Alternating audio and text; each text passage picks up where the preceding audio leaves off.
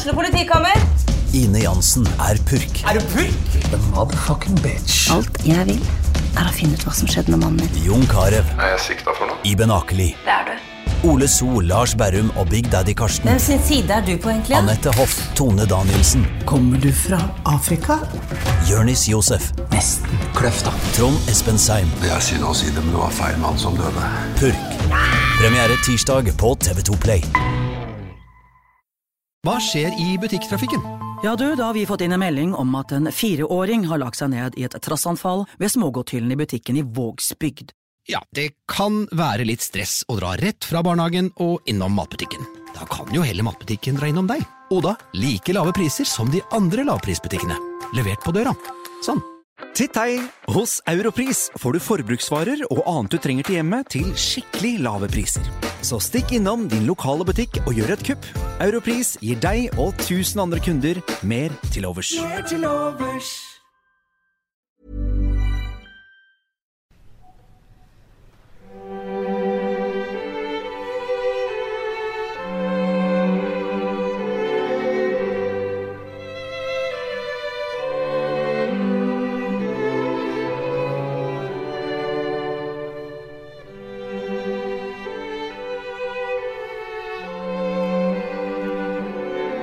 Hei og hjertelig velkommen tilbake til TBs historiepod. Nå eh, forlot vi renessansen og Anders Madsen i forrige episode, og så har vi hoppet noen hundre år fram i tid til romantikken. Og det var derfor, eh, Cecilia Gustavsen, vi hørte litt eh, en strykekvartett. Velkommen i studio. Tusen takk, Knut Erik. Yes, Du er konservator ved Slottsfjellmuseet, og det er du som liksom tar oss gjennom eh, denne historie, disse historietimene. Og da kan du forklare hvorfor hørte vi strykere i starten av denne episoden? Du, siden vi da skal snakke om Sven Foyn, så hørte man nok strykere, fordi det er nok musikk han har hørt når han har frekventert store middagsselskaper i byens borgerskap. For nå begynner vi å få et borgerskap i byen her, ja. Ja. Stemmer, stemmer. Men dette er eh, sånn 1800-tallet, starten på 1800-tallet. Mm. Eh, hvordan ser Tønsberg ut? På starten av 1800-tallet så har vi vel eh, i hvert fall noen tusen innbyggere. Og vi har bebyggelse i Nordbyen. Da har jo bebyggelsen strekt seg ut dit. Og også flere andre steder i Tønsberg, mer enn hva det var i middelalderen. Mm. Mm, og så er det et yrende liv, da. På bryggene med telasthandel og skipsfart. Det er der veldig mye har foregått. Så hovedpunktet i Tønsberg, det er nede ved bryggene. Ja, og det har det vel kanskje vært siden eh, vikingtida. Mm. Men eh, bryggene er eh, hovedsentrum på en måte. Ja. Ja, og veit vi sånn omtrent da, hvor mange var det som bodde i denne lille kyst, kystbyen Tønsberg på, på 1800-tallet? Du, eh, man tror vel det er sånn rundt 1500 da også, som bodde her, sånn som det var i middelalderen. Vi holder, vi holder oss til det samme innbyggertallet stort sett hele tida her. Da. Ja. Ja, ja. Men etter hvert som sjøfarten virkelig skyter fart, og skaper masse arbeidsplasser, så regner man med at det er rundt 8000 faktisk i 1900. Riktig, riktig. Noen, ja. Men her ble altså Sven Foyn uh, født ikke så langt unna her vi sitter, uh, nede på brygga. ja, det stemmer. Han er jo født i Nedre Langgate der, han. Ja. Uh, der som Foynhagen ligger. Nemlig. Så der er han født. Der driver og pusser opp barndomshjemmet hans nå. Det har vært litt skeivt og skakt i det siste, men nå Ja. gjør de en innsats der. Så Ja, nå får er vi etter hvert se hvordan det ser ut igjen. Ja. Så der vokser han opp, og det var visstnok litt, litt tøff barndom. Ja, han hadde nok ganske tøft. Um, han var jo født inn i en eh, ganske stor skipsrederfamilie. Um, faren hans, Laurentius Foyn, var jo skipsreder og omkom da Sven Foyn bare var fire år. Så da var jo moren hans, Bente, eh, etterlatt med barn, mange barn. Og, og Sven Foyn selv var jo bare fire år når Ja, faren døde. akkurat. Så han var jo overlatt til eh, moren sin, som Mm. eh, hadde kanskje veldig mye med å styre forretninger og rederiet og gjøre alt sjøl, da, Mm. etter mannen omkom. Mm. Så hun er jo beskrevet som en veldig gudfryktig, pietistisk, streng eh, Ja. Så vi ser kanskje kimen til den ja. Sven eh, vi etter hvert hører om. Ja, ikke sant? At eh, det går mange sånne anekdoter om Sven da han er liten. Da, at han måtte løpe og bære vann og ved for moren, og hun hadde veldig kustus på barna sine. Ja. Og Sven Foyn selv, han var ikke så veldig glad i skolearbeid. Så han dro til sjøs allerede som elleveåring Ja. på et av familiens skip. For det var liksom det man gjorde i Tønsberg på den tiden. Ja, sikkert noen i hvert fall. så han dro til sjøs, Ja. og viste jo veldig tidlig gode takter, da. Ja. Han jo utviste veldig godt sjømannskap. Mm, mm. Og bare 19 år gammel så tok han jo selv navigasjonseksamen. Ja. Og styrte jo da sitt eget skip bare noen få år etterpå. Mm. Så han, eh, og da drev han med trelasthandel. Så han var veldig, veldig kjent for det, som en veldig god navigatør og flink sjømann, liksom. Mm. Så han bestemte selv at det var den veien han ville gå, da. Med sjøfarten. Ja, nemlig. Uh, og så gifter han seg uh, Ja. faktisk uh, ikke med Lena Foyn, som vi skal høre mer om etter hvert, men det var en, en førstekone. Han hadde en første kone Ja. som het Elise Amalie Tvede. Hun var Mhm. pressedatter. Ja. Eh, og hun jobba som lærer i en av borgerskapets familier i Tønsberg, hos Sebergs.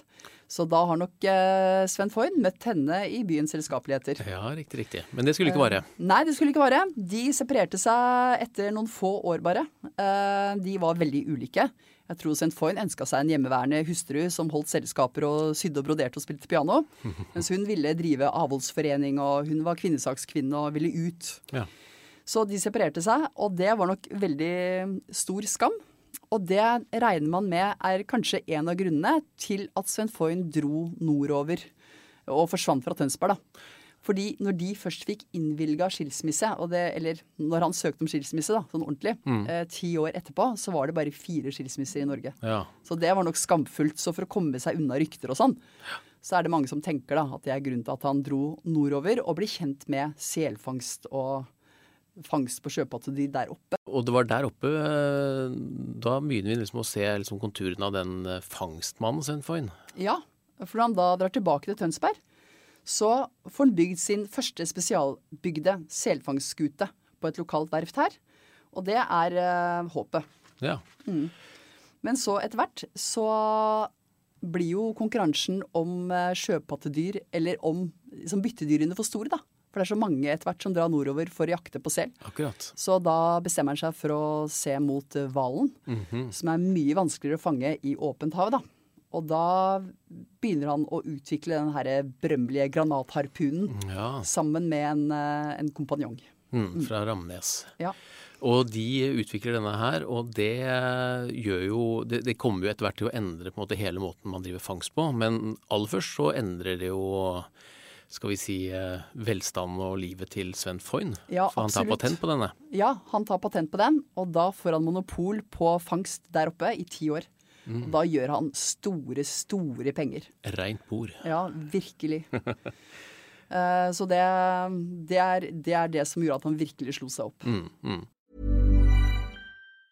Hva skjer i butikktrafikken? Vi ser her at en bærepose med matvarer har revnet på parkeringsplassen utenfor butikken på Stange. Oppryddingen forventes å vare utover ettermiddagen. Det kan være litt stress å kjøre innom matbutikken, Eh, men da kan jo heller matbutikken kjøre innom deg. Og da like lave priser som de andre lavprisbutikkene. Levert på døra. Sånn. Titt hei! Hos Europris får du forbruksvarer og annet du trenger til hjemmet til skikkelig lave priser. Så stikk innom din lokale butikk og gjør et kupp. Europris gir deg og tusen andre kunder mer til overs.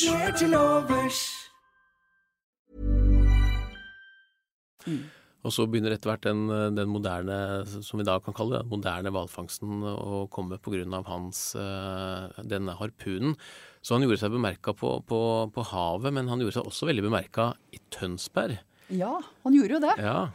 Han, eh, ja, hva er det han blir kalt for noe? Du har jo eh, sagt det. Jo, nei, ja. det. Det var, det, det var jo Han var, eh, han var en viktig person. Og, Ja. og visstnok så sa man på den tiden så sa man ikke gudskjelov, man sa 'foinskjelov'. lov. Ja, nemlig. Han var, han var uh, den viktigste personen i Tønsberg på mange måter, kanskje? Ja, og han var nok det, for han hadde jo vanvittig mye penger da. Ja. Han, når han døde, så var han en av landets rikeste menn. Mhm. Og han hadde jo mange, mange folk i arbeid. Uh, og han uh, fikk enormt masse tiggerbrev. Så det kan nok hende han også har vært en gavmild mann, da, at han faktisk har gitt etter for noen av de brevene siden han fikk så mange. Ja, ja. Og så oppførte han jo de her arbeiderboligene, da, mm, mhm. som fremdeles eh, står. I enden Og- av Storgata der, ja. Ja. Og rett der eh, bedehuset etter Svend Foyn og Lena og Svend Foyn. Ja. Eh, og og det, gikk, han gikk jo for å være litt uh, streng, og det går jo historier om uh, det, som vi nevnte sa, den, hans pietistiske oppvekst da, hos denne Mm. strenge moren kan ha satt litt spor. For det var strenge regler bl.a. i arbeiderboligen på når man kunne komme og gå, og man måtte være edruelig. og det var, ja, Han, han styrte med, med hår hånd. Ja, han gjorde nok det. Og, og det er selvfølgelig For oss i dag så, så virker det veldig rart, og det er veldig sånn overkontroll og Det er ikke bra, det. Men når man tenker på den tida, da, så var det jo veldig mye fattigdom og nød i Tønsberg òg. Ja. Og var jo nok ikke så uvanlig for sjøfolk å rangle mye når de kom hjem, og sånn som det egentlig kanskje alltid har vært. da. Nemlig. Så han, hadde nok, eh, han ville nok at mannskapet skulle være edruelig og ordentlig til sjøs og hjemme og, og sånn. Ja. Men det er klart, eh, han var jo veldig pietistisk, og det går jo masse anekdoter om han hjemme og sånn. Mm, At han var veldig streng og En gang så ble Lena Foyn observert løpende ut fordi han var rasende for at ikke ertene var eh, riktig kokt, og han var visst veldig humørsjuk og sånn. Akkurat. Men på den annen side så er han også beskrevet som en, en myk person, da. Mm. Som eh, eh, omtrent så på Lena Foyn, den nye kona si. Mm. Han gifta seg jo på nytt med henne. Hun er også fra rederfamilie, altså Ja. fra Bull-familien. Ja, for vi må jo absolutt ikke glemme Lena Foyn Nei, de gifta seg i. Mariakirken. Ja. Og, og han kalte henne for mor, og han måtte vise henne alt hun hadde kjøpt. Ja. Og han var jo veldig mye til sjøs selv. Og da var det hun som styrte alt av forretninger, og han hadde veldig tillit til henne. Mm. og de var trofast mot hverandre helt, helt til det siste, da. Eh, I forhold til testamentet som var skrevet, og han døde jo før henne. Ja. Og hun gjorde akkurat det som sto i testamenten, prøvde ikke å unnskylde noen penger. og De var veldig sånn redelige mot hverandre, da. Mm, mm. Men man skulle jo ønske uh, man visste mer om han som privatperson. Ja. Men uh, når han døde, så brant Lena Foyn opp alt som var av privatkorrespondanse. Okay. Så vi har ikke Det er bare få brev jeg har funnet i arkivet som er bevart. Mm. Uh, og, da, og det er veldig fine. Det er veldig mye sånn Gud være lovet og de, de var veldig religiøse. Mm, mm. Men uh, hun beskriver helt nøyaktig hva hun har kjøpt, og hvor hun har vært i selskap, og hvem Ja. som var der, og forteller han om livet hjemme, da. Ja, så det er veldig fine brev, egentlig. Ja. Men så, så vet vi kanskje litt om han også gjennom eh, dagboka hans. Ja. For den sitter dere på på Slottsfjellmuseet. Vet du hva, det gjør vi. Og der i den dagboka så har vi veldig mye fine tegninger av utviklingen av granatharpunen. Eh, det er ganske interessant. Mm. Ja. Men ellers er det jo veldig tørt. Det er, veldig, det er vær og vind. Ja, Det er det det står mest Ja, om der. ja, ja. Det er aldri noe sånn 'Å, jeg legger til hjem', eller 'Å, jeg har så lyst på på ferskt kjøtt', Nei, eller nei, nei. aldri sånne ting. Akkurat. Det er rent eh, sånn forretningsmessig forretningsmessig. Ja. Og forretningsmessig, ja, du han var rik og hadde mye penger, og Mm. var også en, en velgjører. Han uh, ga penger til, til byen. Ja, han gjorde jo det, blant annet ved å oppføre arbeiderboligene. Og etter han døde, så ble jo Sven og Lena Foyns minne reist Mm. av pleiesønnen Markus Bull, Ja. uh, som var til enker, da. Ja. Etter avdøde sjøma- sjømenn. Mm, mm. uh, og så ga han vel penger når de skulle bygge domkirken. Ja. Domkirken. ja, riktig. Og så døde han jo som en av landets rikeste menn. Mm, og da gikk jo noe av testamentet, eller noen av pengene gikk jo til kona. Ja, Og til pleiesønnen og til noen nære arbeidere. Ellers gikk jo alltid misjonen. akkurat. Ja, Mm. ja, ja. Så det var en som hadde regna om eh, det han hadde igjen når han døde. Det var vel sånn tre-fire millioner. Eh, I 2018 så tilsvarte vel det rundt 370 millioner kroner. Eh, eller noe sånt. Han var en, en holden mann. Han var det. Mm. Og så nevnte du eh, domkirken der, og så er det jo, går jo en annen Vi kan jo ta med den helt sånn på slutten Ja. her. Den andre eh, anekdoten om, om Sven Foyn og kirke, det var Mariakirken. Ja. Som han gifta seg, han og Lena Foyn gifta seg i den. Mm. Og så da det var eh, storfint besøk i Tønsberg, så skulle jo han som da byens viktigste person lede denne eh, var, det, var det kongen, da? Ja, jeg tror det var det. Skulle lede inn i det nye eh, rådhuset som da lå på Torvet. Eh, der hvor Mariakirken noen tiår eh, før hadde ligget, som da hadde blitt revet. Og det nekta han å gjøre. Ja. Han ville ikke gå inn i eh, rådhuset i respekt for denne gamle middelalderkirken som var blitt revet. Og det Ja. kan man jo gi han rett i. Ja, faktisk. Det er jo helt forferdelig Mm. at man har revet Mariakirken. Og der skjønner jeg Sundfoyn. Ja. Den skal vi støtte Sundfoyn Foyn i. Ja. Det var Sundfoyn. Foyn. Eh, vi eh, skal fortsette neste episode også med, med skipsfart. Og da skal vi på Wilhelm Wilhelmsen, som, som ble født litt seinere, men også gjorde stor suksess med skuter fra Tønsberg. Men det blir neste episode, Cecilia. Ja. Og da kommer du tilbake. Det gjør jeg. Ja, Takk det er skal du ha. Godt å høre. Takk for eh, at du kom, og takk for følget. Dette var eh, Sven Foyns eh, liv her i TVs historiepod. Jeg heter Knut Erik Lahn, ansvarlig redaktør for Tønsbergs Blad og TV-podden. Det er Sigmund Kydland. Vi høres i neste episode. Titt hei! Hos Europris får du forbruksvarer og annet du trenger til hjemmet til skikkelig lave priser. Så stikk innom din lokale butikk og gjør et kupp. Europris gir deg og 1000 andre kunder mer til overs. Hva skjer i butikktrafikken? Ja du, da har vi fått inn en melding om at en fireåring har lagt seg ned i et trassanfall ved smågodthyllen i butikken i Vågsbygd. Ja, det kan være litt stress å dra rett fra barnehagen og innom matbutikken. Da kan jo heller matbutikken dra innom deg. Og da like lave priser som de andre lavprisbutikkene. Levert på døra. Sånn. Har du et enkeltpersonforetak eller en liten bedrift? Da er du sikkert lei av å høre meg snakke om hvor enkelt det er med kvitteringer og bilag i fiken, så vi eh, gir oss her, vi. Fordi vi liker enkelt. Fiken superenkelt regnskap.